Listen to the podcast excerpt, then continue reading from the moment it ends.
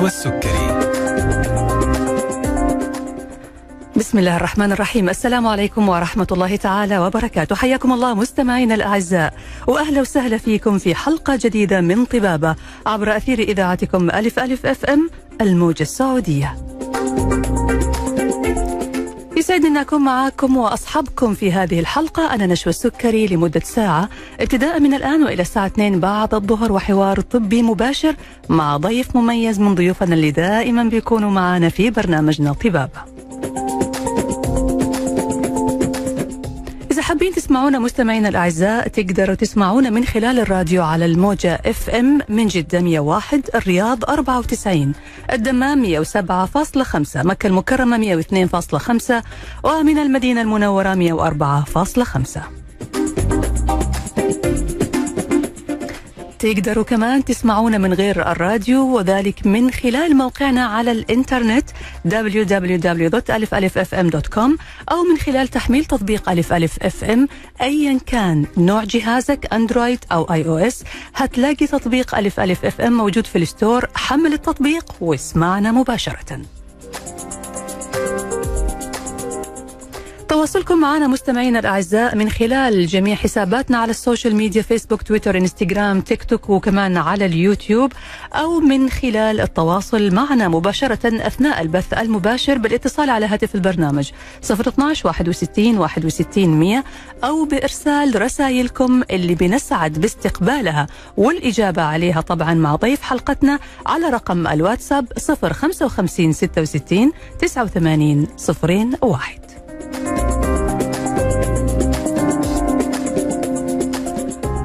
موضوع حلقتنا اليوم مستمعينا الكرام عن جراحة المخ والأعصاب اللي بتعتبر من التخصصات الطبية الدقيقة جدا اللي بتتطلب دراسة وتدريب كبير وخبرة عالية. الكثير من المفاهيم الشائعة بيننا عن جراحة المخ والأعصاب بتصيب أغلبنا بالخوف من هذا التخصص لمجرد معرفة وجود مرض أو مشكلة صحية بتتطلب اللجوء إلى مختص مخ وأعصاب هذا بيجعلنا في حالة من الخوف والقلق والتوتر. في حلقتنا اليوم هنتعرف أكثر عن جراحة المخ والأعصاب التطور في هذا المجال متى قد يكون الوضع خطيرا ومتى لا يستدعي القلق إذا أخبر الشخص بأنه عنده مشكلة صحية يعني تستدعي اللجوء إلى مختص في المخ والأعصاب. لماذا قد يكون الصداع في بعض الأحيان مؤشر لوجود مشكلة خطيرة؟ وأحيانا أخرى هو مجرد صداع عابر لا مشكلة منه. اليوم هنتحدث عن هذه المحاور وغيرها مع ضيف حلقتنا اللي هيكون معنا بعد لحظات. باسمي وباسمكم مستمعينا الأعزاء أرحب بضيفي في هذه الحلقة الدكتور هاني محبوب استشاري جراحة المخ والأعصاب جراحات قاع الجمجمة والمناظير بمستشفى الملك فهد. حياك الله دكتور هاني واهلا وسهلا فيك. يا أهلا وسهلا ومرحبا. الله يسلمك. دكتور موضوعنا اليوم موضوع بيخوفنا كلنا. لما نقول جراحة مخ وأعصاب. تخصص دقيق جدا واللي بيشتغل وبيعمل في هذا التخصص صراحة ما يعني لا نملك إلا أن نسأل الله سبحانه وتعالى له الدعاء والتوفيق يعني والرعاية لأنه بالفعل هذا التخصص بيتطلب من الإنسان أن يوهب حياته بالكامل للطب وللعلم ولخدمة المرضى. فخلينا ناخذ البداية كذا يعني دكتور نتكلم عن تخصص أو مفهوم جراحة المخ والأعصاب. مم. كلمنا عن هذا التخصص. حقيقة أولا شكرا على الاستضافة وهذه فرصة جميلة جدا نتعرف فيها على بعض في هذه الإذاعة. وكذلك نستمع للجمهور والمتحدثين. طبعا هنا برضو ممكن إذا كان عندهم أسئلة. لأنه فعلا الموضوع هذا موضوع جراحة المخ والأعصاب هو موضوع يشوبه الكثير من الغموض. والغموض بحد ذاته يثير القلق والتوتر. وبلا شك أنه التعامل مع الأعصاب والدماغ بحكم أنه هي تعتبر باطنية ووظائفها تعتبر لا ترى بالعين المجردة. عبارة عن كهرباء ماشية في أسلاك كهربائية في وسط الدماغ وفي وسط الحبل الشوكي وفي وسط الأعصاب الطرفية. فهذه لا ترى ولكن تقاس بمقاييس معينة. نعم. آه فهذه من الأشياء اللي تجعل هذا التخصص صعب فهمه وإدراكه. ويحتاج إلى وقت طويل جدا لفهم كل العمليات والبروسيسز اللي بتحصل في داخل الدماغ وتعطلها كذلك. نعم. متى نعرف إنه هذه ماشية بطريقة صحيحة؟ متى نعرف إنه المراكز هذه ما بتعمل بطريقة صحيحة؟ فلا بد أن نعرف كيف يعمل دماغ الإنسان بطريقة صحيحة في البداية، بعد كذا إذا حصل انحراف عن الطريق الصحيح نقدر نعرف ونحدد ونقدر نرجع المريض إلى الوضع الطبيعي. نعم. فبلا شك إنه المعرفة هذا جزء رئيسي في آه، تكوين آه، التشخيص الصحيح ومساعدة المريض بالطريقة الصحيحة. في عوامل أخرى تؤثر كذلك حتى على المريض نفسه وتخليه يخاف بشكل أكبر. نعم. مثلا العرف عندنا أنه أي شخص تجيله حركات لا إرادية تجيله تشنجات أول ما يبدأ يفكر فيه المس الجني الشيطاني. نعم صحيح. ساتانيك اكتيفيتيز فهذه من أكثر المعيقات حتى لنا نحن كأطباء أنه نحن نقنع فيها الناس. أول ما تيجي مشاكل بالطريقة هذه حركات لا إرادية أشياء غريبة تعالوا مباشرة على الطبيب. تكلموا معنا ونحن نحدد. ولا يوجد أي مانع للطبيب طبعا خاصة لو كان إنه طبيب مسلم ملتزم وانسان آه، ماشي على الطريق الصحيح إنه حيوجه باتخاذ السبيلين at the same time في نفس الوقت. نعم. إنه يراجع مع الطبيب ويكمل الإجراءات الطبية المطلوبة وفي نفس الوقت يقدر يروح ويشوف الزملاء من المشايخ ويقرأ ويسوي ويعمل. يعني الجانب الروحي والجانب العلمي أو الجانب الجسدي المادي، إحنا بنشتغل على الجانبين ما يمنع. نعم صحيح، مم. فهذه الجانبين الأساسية مم. آه، هي اللي تخلي الناس بشكل عام يكونوا في حيرة ويحاولوا يتجنبوا زيارة الطبيب حتى لا يشخصوا بمشكلة في الدماغ ولو حصلت حتكون هذه النهاية بالنسبة لهم. هذا هو الظن الشائع عند أغلب الناس. لذلك نحتاج إلى التوعية ونحتاج إلى الشرح بشكل أكبر ومفصل بشكل أعمق. ممتاز دكتور. طيب نجي دكتور الآن للمتخصص في جراحة المخ والأعصاب. هذا التخصص الدقيق اللي بيتطلب دراسة وتدريب كبير جدا وخبرة ويمكن بيظل طبيب المخ والأعصاب طول عمره. كل طبيب لكن تحديدا هذا التخصص يدرس ويبحث. لأنه لازم يعني يكون دائما على اطلاع بكل ما هو جديد. فكلمنا عن المواصفات اللي المفروض تكون موجودة في متخصص جراحة المخ والأعصاب. المفترض ما يكون في حد أنا أحطه لنفسي كطبيب جراح مخ وأعصاب إنه عند هذا الحد ستنتهي الدراسة أو ستنتهي القراءة أو إنه أنا أقول والله أنا وصلت إلى مرحلة إنه أنا أكون استشاري وأكون جالس والناس تشتغل وأنا جالس أتفرج وأحاول من بعيد لبعيد. العملية هذه قد تصلح نوعا ما في بعض التخصصات اللي لا مانع من معرفة القديم منها والجديد. نعم. آه إنما جراحة المخ والأعصاب من التخصصات السريع التطور فيها. وإذا أنا تركت اليوم آه، الاطلاع وعدم حضور الورشات آه، العملية في أي مكان سواء كانت في داخل السعودية أو خارجها فحيفوتني القطار. وهذه طبعا فوت القطار ليست شخصية إنما حتى للمريض المريض كان ممكن أقول إنه ممكن أسويه بطريقة أخف وأقل وطأة على دماغه من العمليات التقليدية اللي كنا نسويها مثلا سابقا. فهذه عند دخول المجال نقول بسم الله الرحمن الرحيم ونمسك طريق لن ينتهي إلى أبد الآبدين. الله يعطيك الصحة والعافية. ويعني طبعا هذا الاهتمام وهذا الحرص هو في النهاية بينعكس على المريض لأنه الهدف من تطوير المهارات والخبرات والمعرفة الدائمة والاطلاع على التقنيات الحديثة هو الهدف منه أنه نقدم أعلى خدمة طبية بأقل مضاعفات. كل ما كان في تطور جديد هذا في النهاية راح ينعكس نعم. على المريض. حلقتنا مستمرة معك دكتور هاني محبوب استشاري جراحة المخ والأعصاب وجراحات قاع الجمجمة والمناظير بمستشفى الملك فهد بجدة.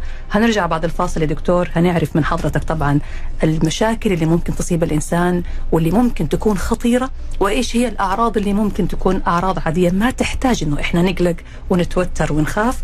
بعد الفاصل هنجاوب على هذا السؤال مع ضيفي الدكتور هاني. لازلنا نستقبل أسئلتكم مستمعينا الأعزاء على الواتس 055 66 89 صفرين واحد. خليكم معنا فاصل وراجعين.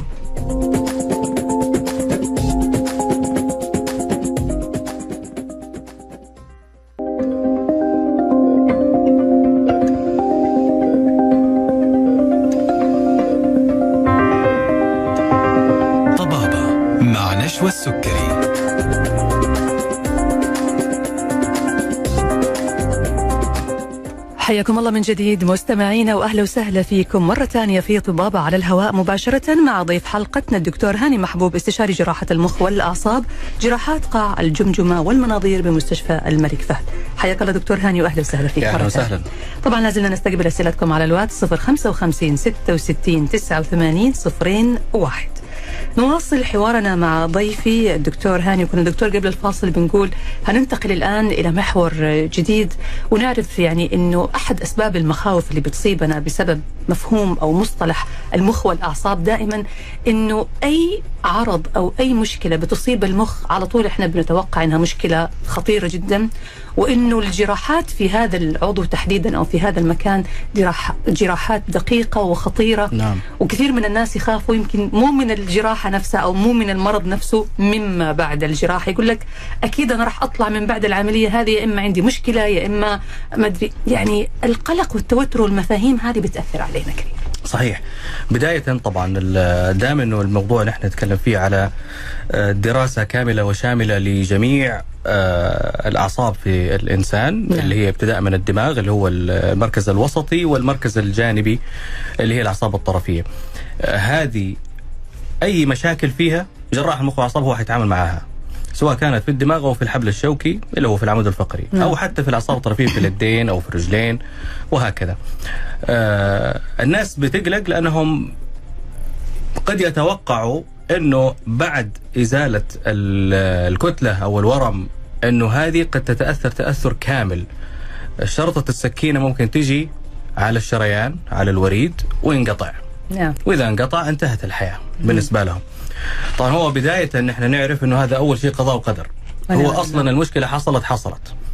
كل ما سيتم بعد ذلك هو مساعدة. نعم المساعدة هذه بناء على خبرة الجراح وهي في الغالب آه، تكون ممتازة لأنه ما حد حيدخل التخصص ده ويكمل فيه ويل- ويلتزم بالمسؤوليات هذه إلا أن يكون وصل إلى مرحلة معينة من الخبرة عنده الإمكانية إنه هو يتعامل مع الحالات هذه. فيتم شرح الموضوع كاملا المكان اللي فيها الورم مثلا أو التكتل أو اللي فيها مثلا المشكلة ال- ال- الجينية أو الوراثيه موجودة هنا وهذه المناطق المحيطة. مم.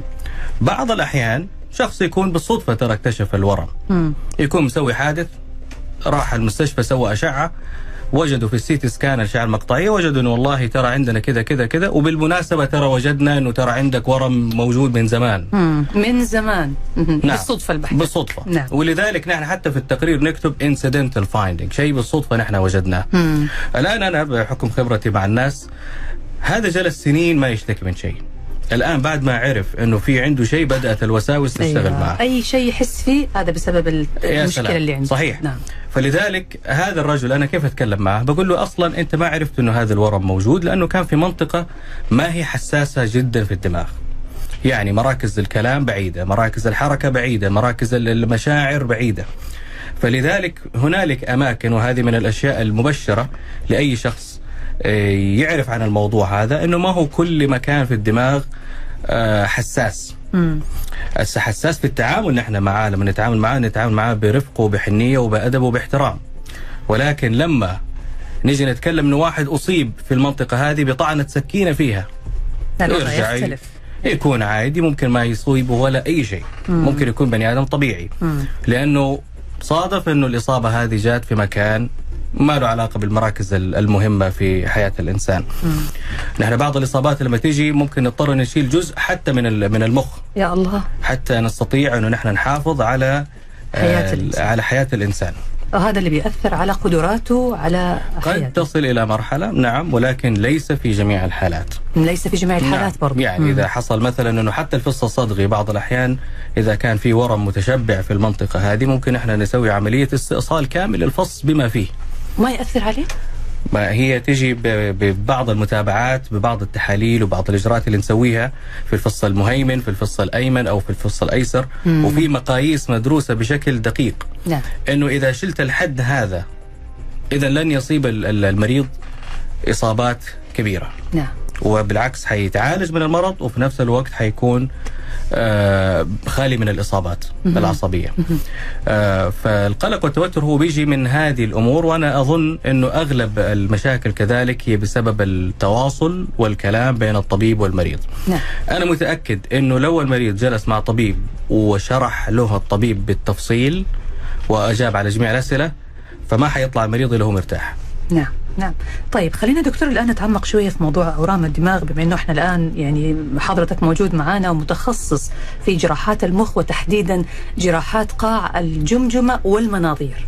وهذا بيخلينا طبعا آه يعني نسأل بس ما هسألك الآن يعني بعد شوي على التقنيات الجديدة في جراحات المخ م. تحديدا.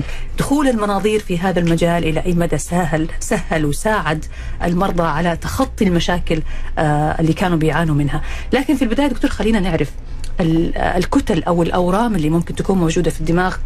آه، بعضها قد يكون حميد وبعضها قد يكون خبيث. إيش الفرق بينهم؟ هل ممكن التفرقة بينهم من خلال الأعراض ولا لازم بالتشخيص والتحاليل؟ ممتاز. آه الأعراض ممكن تتشابه. في بعض العلامات اللي تدل على إنه آه، الأورام النشطة اللي هي السرطانية أو اللي هي الغير حميدة نحن نعرف إنها هي نشطة لذلك نحن نستخدم هذه العبارة. لتلطيف وقع الكلمة على المريض لما يسمعها. لأول مرة. ليش نشطه؟ لأنها بتكبر بسرعة. نعم. بتكبر بسرعة لأنه فيها عيب حصل عيب جيني آه، طفرة جينية حصلت تغيرت عندنا صار ما في brakes عند الخلايا نعم ال brakes اللي موجود في الخلايا هذا موجود عندنا كلنا مم. الخلية ما عشان لا تنقسم وتزيد في انقسامها وتتوالد وتتكاثر لازم يكون في نظام يمنعها من الشيء هذا نعم. حصلت مشكلة أشعة مثلا أشعة مثلا كونية على سبيل المثال اللي هي solar system radiations أشعات مثلا اللي مستمرة جدا بشكل واحد يسوي 10 20 مرة وهو جالس يلعب فيها يسوي كل شوية سيت سكان تمام؟ بتأثر آه هذه على الدماغ ممكن. إذا كانت بجرعة عالية ممكن. طيب. السؤال يا دكتور معلش هو عرضي بس مم. لأنه أكيد ممكن ناس كثيرة تسأل. أشعة الجوال أو استخدامات الجوال بالقرب أي. من الدماغ؟ في كلام عليها ولكن ليس بمؤكد. ليس بمؤكد. نعم. مم. يعني ما في دراسات أثبتت الشيء هذا. آه في دراسات اللي بدأت تزيد أكثر الآن على 5 جي لذلك بعض الدول الآن ذكروا قالوا نحن نبغى نشيل أصلا الابراج حقت ال 5 جي هل هي ممكن فعلا تأثر نظريا؟ في احتمال. لكن لسه لم يثبت بشكل مؤكد. وفي لها أسباب كثيرة. فهو ينصح الابتعاد عن الأمور هذه قدر الإمكان آه لأنه يعني يعتبر من من من الحرص الزائد إنه الإنسان ينتبه على صحته لأنه لا يوجد مانع نظري في إنه هذه الموجات الترددية انها تيجي تدخل على ال DNA الشفره الوراثيه تبع الإنسان وتعمل طفرة جينية. وإذا حصلت طفرة جينية بالصدفة حصلت في ال braking system النظام الفرامل تبع الخلايا مم. فما حيصير في فرامل حتنقسم باستمرار وتتوالد باستمرار ويزيد حجمها وتكبر. صارت كتلة نعم. صارت ورم. نعم. من ضمن الحاجات بس عشان الواحد برضه يكون متأكد آه من الكلام اللي الناس تقوله هل العين أو الحسد أو السحر ممكن يؤدي إلى أورام في الدماغ؟ هو نظريا ما في حد يقدر يثبت الشيء هذا ولكن نحن نعلم يقينا من ديننا ومن رسولنا الكريم انه العين حق فهي العين قد تأتي وتؤثر على ال DNA بطريقة معينة. لها تأثير نفس تأثير ال radioactive radio frequency waves الموجات الفوق صوتية أو الموجات الكهرومغناطيسية. مهما كان نوعها ممكن تأثر على الإنسان. نعم. فبعد التأثير ظهرت في الأشعة وظهرت على المريض كأعراض. مم. الآن السؤال المهم هل أي شخص عنده صداع معناته عنده ورم؟ لا هي نسبة بسيطة من الناس اللي يطلع عندهم. نحن نقول الناس اللي عندهم صداع ومستمر معاهم الصداع يطلع معاهم في الصباح أكثر من المساء آه لما يسجد يزيد معاه زغللة في النظر معاه استفراغ معاه شلل معاه ضعف معاه أي حركات لا إرادية تغيرات في الشخصية مفاجئة مم. هذه الأمور ما ينسكت عليها مباشرة يتجه للطبيب المتخصص سواء كان طبيب أعصاب أو جراح مخ وأعصاب ويشوف إيش اللي يطلبه نعم. فالأعراض هذه ليست مقتصرة فقط على الصداع ومع العلم أنه ممكن أنه الورم يكون سواء كان خبيث أو حميد ممكن يجي المريض فقط بصداع. فمهما كان لا ينفجع الإنسان أنه يقول والله أنا عندي صداع ممكن يكون عندي لا بالمنطق وبالوسطية. إذا والله الصداع يوم يومين أخذ حبة بنادول وراح هذه ما فيها مشكلة. ما في عندي أي أعراض ثانية هذا خير وبركة. إذا زادت وكل ما لها بتتزايد وبدأت في أعراض أخرى عصبية تعال الدكتور. يعني دكتور الصداع في حد ذاته ما هو مؤشر خطر لا قدر الله لوجود مشكلة أو لوجود ورم؟ إذا صاحب الصداع هذا استمرارية كان بشكل دائم أو مواقيت محددة أو في بالضغط أو إذا كان مع زغللة وقيء واستفراغ. هذه كلها علامات تدل على إنه في آه، ارتفاع في ضغط الدماغ إذا مم. كان الورم كبير أو أثر على الدماغ ومحيطه. آه، أو إنه مثلا الورم جاء في منطقة حساسة مثلا في منطقة الكلام. مم. حتى لو كان حجمه صغير وما في الأعراض حقت القيء والزغللة في النظر آه، أو الصداع المستمر ولكن ممكن يكون جاي بلعثمة في الكلام نعم طيب لازم كان سببها فجأة بدأت أو بدأت بشكل تدريجي نحن نسميها insidious onset. insidious معناته إنها بدأت خلال فترة وجيزة بدأت تتطور وصلت إلى ال full blown picture. فهذه آه تحتاج فعلا إنه الإنسان يتأكد من خلوه من أي مشاكل سواء كانت أورام أو كانت مشاكل ممكن صداع migraine ممكن تكون. تمام. هسأل حضرتك يا دكتور برضو بس بعد الفاصل ليش في بعض الأحيان يمكن يفضل الأطباء اتخاذ قرار ترك الورم على ما هو عليه وعدم استئصاله؟ يقولوا طالما يعني واصل حياتك زي ما أنت ما هنقدر نستأصل الورم هذا. أو أنه بيكون المريض في الحالة هذه تحت المتابعة الدائمة. خلينا نعرف منك تفاصيل أكثر عن هذه النقطة بعد ما نرجع من الفاصل. معنا آه، الدكتور هاني محبوب استشاري جراحة مخ وأعصاب جراحات قاع الجمجمة والمناظير بمستشفى الملك فهد بجدة. واليوم بنتكلم عن موضوع مهم جدا وهو فن جراحة المخ والأعصاب واللي أطلقنا اليوم عليه كلمة فن لأنه هو بالفعل جراح المخ والأعصاب يعتبر فنان. ولكن برتبة طبيب فاصل ونواصل. خليكم معنا.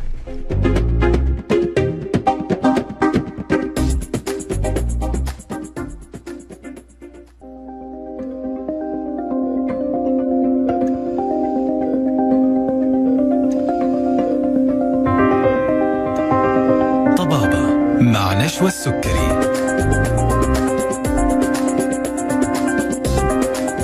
حياكم الله مستمعينا وأهلا وسهلا فيكم مرة ثانية في طبابة على ألف ألف أف أم ومع ضيف حلقتنا دكتور هاني محبوب استشاري جراحة المخ والأعصاب وجراحات قاع الجمجمة والمناظير بمستشفى الملك فهد بجدة.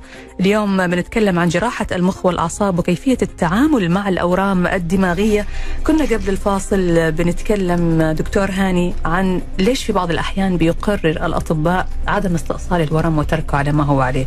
وللتنويه طبعا مستمعينا تقدروا تتواصلوا معنا وتسألوا الدكتور هاني أي سؤال على واتس البرنامج 055 66 89 صفرين واحد. تفضل دكتور. هذه نقطة جميلة الآن دام أنه في قرار أنه القرا- الجراح ممكن يقرروا أنه نحن نترك الورم ونراقبه مم. قد لا ينمو هذه أكبر بشارة أنا ممكن أقولها أصلا للمريض وأقول له ترى شوف الحمد لله اللي أنت خايف منه ده ده أصلا باين عليه شكله في, في الأشعة. غالبا أنه حميد. يعني يبان ممكن في الأشعة بنسبة آه، تيقن يعني تعتبر مقبولة. نعم. آه، وفي نفس الوقت أقول له والله شوف هذه ممكن ترى تنمو واحد ملي مثلا في السنة. مم. يعني خلال عشر سنوات هتكبر واحد سنتي. طبعا في داخل الدماغ ال- ال- الملي الواحد كأنه سنتي برا. أكيد. فالمسافات محسوبة بدقة. مم. فهنا هذه بشارة جيدة. بعض الأنواع من الأورام الحميدة ممكن الإنسان يتابعها ويشوفها خاصة إنه أنا عارف مستقبلا إنه ممكن ما تأثر عليه لا على حركة ولا على كلام ولا على تشنجات مع إنه النسبة موجودة ولكن كله مقدور عليه. فيحق للمريض في بعض الحالات إنه لما يكتشف إنه يقرر مع الطبيب إيش اللي هو يبغاه نعم. فاما إذا كانت العلامات في الأشعة تدل على إنه هذا شيء غير آه، حميد إنه نشط فإذا هنا ينصح المريض من البداية قبل ما تكبر المشكلة قبل ما تتشعب في داخل الدماغ خلينا نشتغل نحن من بدري. وهنا عامل الوقت اللي يفرق. مم. يعني مثلا أنا اشتغلت في أكثر من مكان برا ال- المملكة الناس هناك مختلفة. أول ما تجيهم شكة دبوس. راح للدكتور على طول وطلب علاج نفسي وأنا ضربني دبوس وأنا كيف أقدر أعيش حياتي دحين وأنا فهذه الأشياء يلاحقوها من بدري ويشوفوها وعندهم نظام سكرينينج. نظام الفحص المبكر ده متفعل عندهم بشكل رهيب مع إنه نحن في ديننا الوقاية خير من العلاج أكيد. مم. وهذا مبدأ المفروض نحن نمشي عليه بشكل شخصي اولا مم. آه، فعندنا الآن لو شاف الطبيب آه، إنه هذه مشكلة غير حميدة حينصح هنا لابد على على المريض الآن برضه يجي موضوع الوعي. إنه ما يقول للطبيب وهذه دائما أشوفها يقول طب أديني وقت أروح أستخير وأستشير ومو بس هنا هذه هذه طبعا من حقه واجب يسويها. لا ابى أروح عند شيخ الفلاني الفلاني يرقيني بإذن الله سبحانه وتعالى. قلت له نعم كله بأمر الله والعملية اللي حسوي لك هي كمان بأمر الله. مم. خذ بالأسباب. نعم. فكثير من الناس يروحوا يرجعوا وقتها أقول له خلاص راحت. إيش. حسوي لك أنا؟ هعمل لك إيه ولا أشيل إيه ولا بقي إيه؟ إيش اللي ممكن يكون يا دكتور مضاعفات لو شخص تأخر مثلا في إجراء آه، الاجراء الطبي ال- ال- الضروري والحتمي والسريع إيه ال- الإجراء اللي نحن نسويه في بعض ال- الحالات إنه نحن نستأصل قدر أكبر من ال- الورم حتى نيجي ممكن حتى إلى جزء من الدماغ ممكن نستأصله حفاظا على المريض ده لأنه وصل إلى مرحلة متقدمة وتاخر عليه الموضوع. آه فعندنا نحن من أشيع أكثر أنواع الأورام الدماغية الناشطة الخبيثة شيوعا اللي هو ورم الخلايا الدبقية. الأعصاب ماشية في زي الأسلاك الكهرباء اللي يلمهم مع بعض ويغريهم في بعض ويخليهم ماسكين مع بعض زي ال- زي عندك باقة الورد.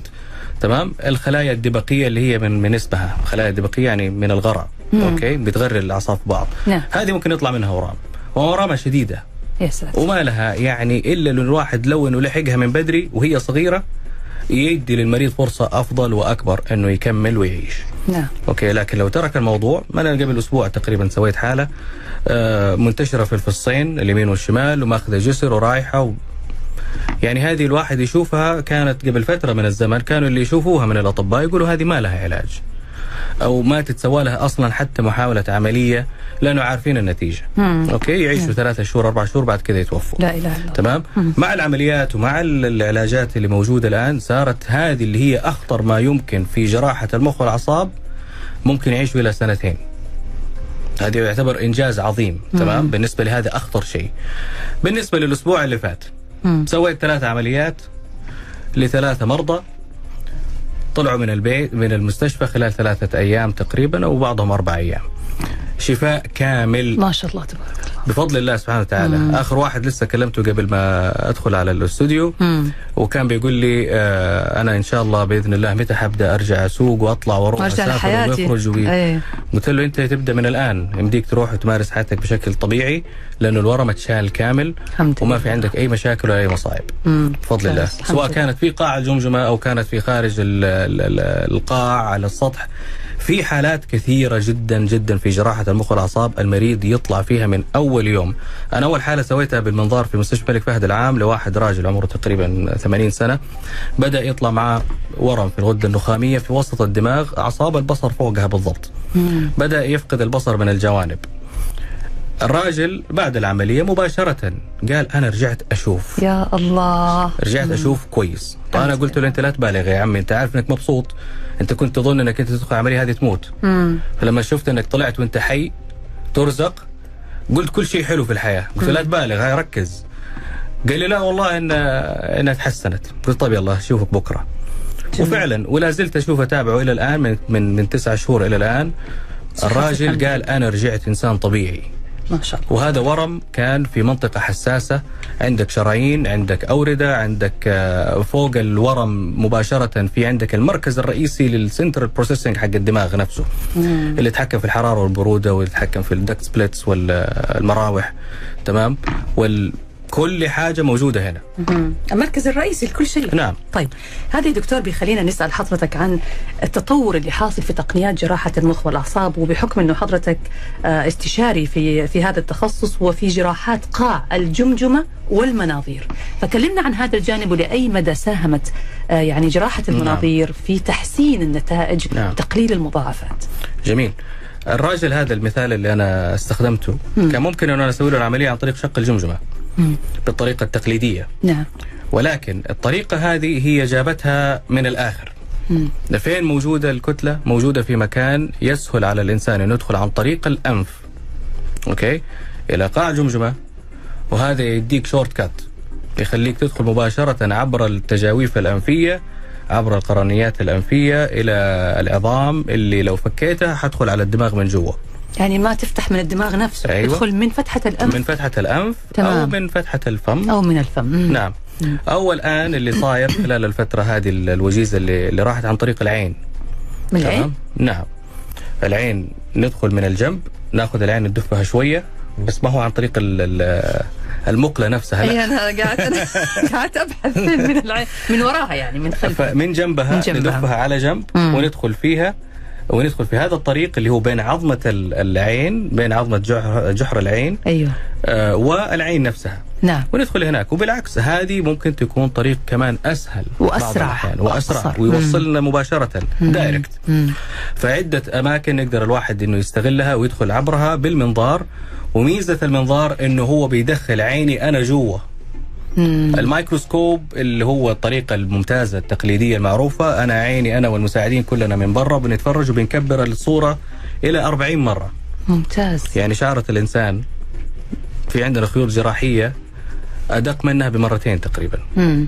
بثلاث مرات بعض الأحيان دقيقة وصغيرة جدا ونستخدمها بهذه الدقة في داخل كيف أقدر أشوف حتى أنا ما أشوفها لو أحطها قدامي ما حعرف هذا إيش بالضبط فالأدوات حتى دقيقة وصغيرة جدا جدا وتنشاف تحت الميكروسكوب آه والسبب في ذلك إنه أنا لما أجي بدي أشيل ورم أنا ما بدي أهبش.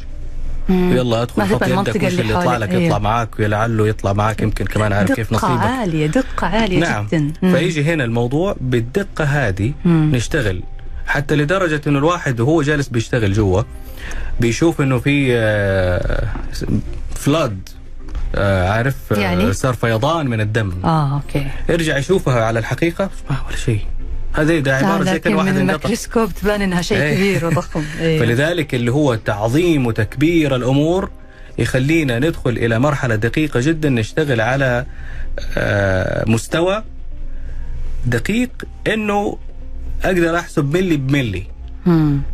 فهنا فيها المحافظة على الشرايين وهنا فيها المحافظة على الأوردة وهنا فيها المحافظة على المراكز لذلك المريض بيطلع أقدر أطلعه ثاني يوم أرد اديه البيت. ما شاء الله. وما في ولا شيء. وبالعكس يتحسن. السبب في ذلك إنه حافظنا على كل شيء.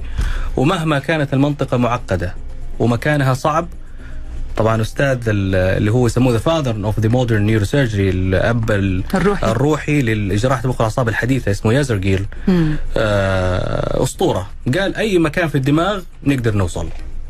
يا أي مكان مهما كان صعب. مم. ومع معرفة الموضوع هذا إنه زمان ما كان في إمكانية إنه الواحد يقدر يدخل لأماكن إلا لما المريض يتوفى.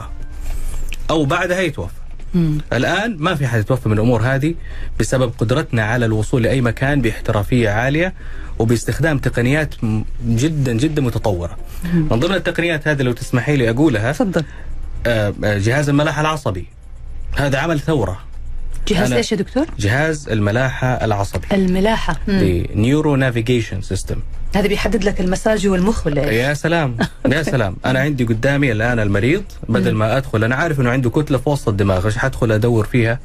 مستحيل أدخل أدور وأروح يمين وشمال.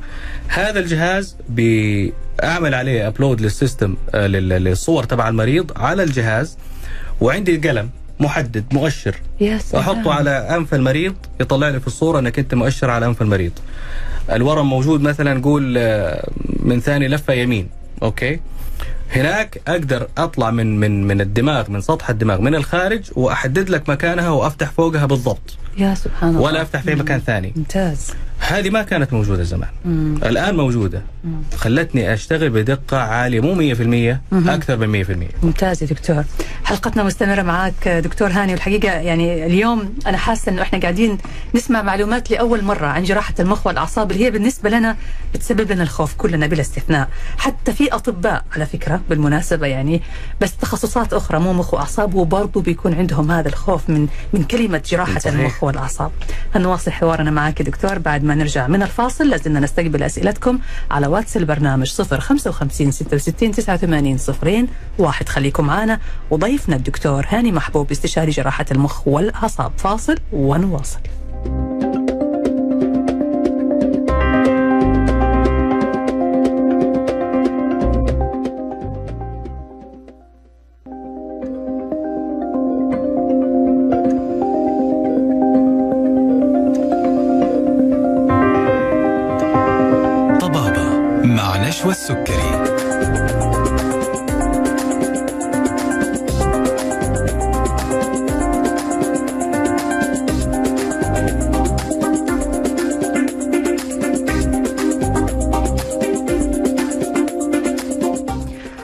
الله مستمعينا الأعزاء وأهلا وسهلا فيكم في الجزء الأخير من حلقتنا اليوم من طبابة ومع ضيف حلقتنا دكتور هاني محبوب استشاري جراحة المخ والأعصاب وجراحات قاع الجمجمة والمناظير بمستشفى الملك فهد بجدة. أرحب فيك يا دكتور وإحنا الآن في الجزء الأخير من الحلقة. آه يعني الله يحييك. حابة بس أعرف منك يا دكتور آه برضو بالنسبة للمفهوم الشائع عند الناس أنه بعد أي عملية جراحية في المخ لازم المريض يصحى عنده شلل عنده جلطة عنده إعاقة. يمكن حضرتك يعني مريت على هذه النقطة كده مرور سريع. لكن الآن مع التطور التقني هذا اللي حاصل اللي أنت كلمتنا عليه قد إيش يعني صار في دقة عالية جدا جدا في الوصول للمكان المطلوب فالمستهدف بمعنى أصح. فكلمنا إلى أي مدى نجحت هذه التقنيات في تقليل المضاعفات والمشاكل والأخطار الجانبية؟ نعم. قللت بشكل كبير جدا. حتى لدرجة من التقنيات اللي تطورت في الموضوع هذا اللي ناس يعني بتسمع عنه بشكل صار متزايد الفترة هذه اللي هو الواحد يسوي عملية في الدماغ وهو صاحي بيكون صاحي وسامع الناس وحتى يستجيب للأوامر. مم. الفكرة من العمليات اللي هي اوي كرينيوتوميز ليش الواحد بيسويها؟ هي الحفاظ على وظائف المريض الحيوية ووظائفه ال ال الوظيفية اللي هي الحركة مثلا. نعم. فأنا أثناء وجود المريض على طاولة العمليات أقدر أخليه صاحي وأحفز بعض المناطق في الدماغ مم. بشكل وقتي ولحظي real time أقدر أشوف إذا أنا عطلت المنطقة هذه هل المريض حيصير له شيء ولا لا؟ okay صار له شيء إذا هذه المنطقة أحط عليها علم نعم. ما حد يلمسها. إذا طلع إنه ما فيها شيء والمريض ما بيصير فيه شيء إذا هذه المنطقة أقدر أعبر خلالها. نعم. okay؟ ما في أفضل من كذا يعني تقييم تقييم real time أنا شايف المريض قدامي لا حشوف لا أشعة مم. ولا حاجي اساله بعدين بعد ثلاث أربع أيام لما هو يكون دوبه صاحي مثلا أو فهذه تقييم مباشر أقدر أعرف فيه المريض هذا لو سويت فيه كذا حيحصل فيه كذا نعم. ما سويت من هنا اذا ما حيصير له شيء نعم. عندنا تقنيات أخرى إنه أنا قبل العملية لو مثلا في حالة من الحالات سويتها كانت ورم ضخم في قاع الجمجمة داخل فيها في وسطها الشرايين والأوردة. فعندنا تقييم نقدر نسوي قبل العملية إغلاق لشريان الرئيسي في الدماغ الشريان السباتي. ب test اسمه balloon test ندخل قسطرة والقسطرة هتوصل إلى هذا الشريان الرئيسي وتقفله ونشوف. إيش يصير للمريض تمام لو المريض ما صار له شيء اذا هنا نحن في أمان مم. الدم بيلاقي طريقه عبر الشبكة اللي موجودة في داخل الدماغ وبيغذي المناطق المهمة اللي الورم ماكل الشريان أو متلحف فوقها. تمام فهذه من الأشياء اللي تخلي أصلا حتى الجراح يرتاح وهو بيشتغل يا سلام فمو بس المريض مم. الجراح لما يكون عايش حياته وهو مرتاح وواثق وعنده ما يساعده من التقنيات حيعرف هو إيش بيسوي بالضبط. صحيح صحيح. وما يكون في مجال للاحتمالات. نعم. تمام. طب هستأذنك يا دكتور ناخذ بس نجاوب على بعض الأسئلة اللي جاتنا. آه في عندنا سؤال بيقول السلام عليكم. أنا والدتي جاهت جاتها إنفلونزا موسمية ومن بعد الإنفلونزا للحين تقريبا سنة ونص حاسة الشم راحت من عندها وحولوها للمخ والأعصاب فقالوا لها العصب مات. فإيش الطريقة والعلاج المناسب لها؟ الله يشفيها ويعافيها. آمين. الفيروسز بعض الأحيان فعلا قد تؤثر على وظيفة العصب بطريقة آه، يا إما مؤقتة يا إما مستمرة. الكورونا معروف طبعا الآن يعني هذه من أكثر الأمثلة وضوحا أنه كثير من الناس اللي شفناهم أنه عندهم مشكلة في حاسة الشم وفي بعضهم رجع لهم. نعم. فما نقدر نحن نحكم إن الأعصاب توفت أو ماتت. آه، إلا مع المتابعة والكلمة هذه أنا ما أحب أستخدمها أصلا أحب أستخدم إنه في تعطل مم. في وظيفة ال- الشم تمام لأنه التعطل هذا ممكن ترجع تشتغل أو ممكن تكمل تطول بالطريقة هذه الله أعلم مم. آه، فممكن وممكن لا مم. لكن إحنا ما نقدر نجزم إنه العصب مات يعني قد نعم، يكون في نعم. زي ما حضرتك قلت تعطل مؤقت نعم اللي اللي اللي يقتل الخلايا مم. المواد السامة واستنشاق المواد السامة أيوة. الحارقة الحارقة زي آه زي مثلا ال- ال- البخار حق الحرائق مم. مثلا على سبيل المثال مم. وفي بعض المواد السامة اللي يشتغلوا في المصانع اللي لما يستنشقوا بعض المواد هذه خلاص هذه لأنها بتحرق حارة. هذه بتحرق حتى الجلد يعني مو بس الأعصاب. تمام. طيب في سؤال كمان يا دكتور هاخذ أهم الأسئلة لأنه في أسئلة كثيرة جاتنا. آه السلام عليكم ورحمة الله. أشعر في الجهة اليمنى من الخلف من الرأس بتصدع أو تشقق أحيانا عند الحركة أو العطاس. لا يوجد أي أعراض أخرى مع مراعاة أنني آه مسوي عملية قلب مفتوح تغيير صمام وباخذ آه مسيل للدم وارفرين يوميا. دام إنه ما في أي أعراض أخرى تنمل أو كهرباء في اليدين أو ضعف أو شلل في أحد الأعضاء وهي فقط زي ما أنت ذكرتي إنها فقط في الرقبة وفي هذا المكان هذه في الغالب تكون ألام شد عضلي. طبيعتها تكون زي السكاكين زي ال- الشد اللي ممكن بيحصل ممكن يصل حتى إلى منتصف الرأس. فيحتاج إنه الإنسان يتأكد إنه ما في أي أعراض عصبيه وبعد كده يحاول يقوي عضلات الرقبة حتى لا تحصل المشاكل زي هذه. تمام. حابة أختم معك يا دكتور بسؤال. ليش جراح المخ والأعصاب بيعتبروه فنان؟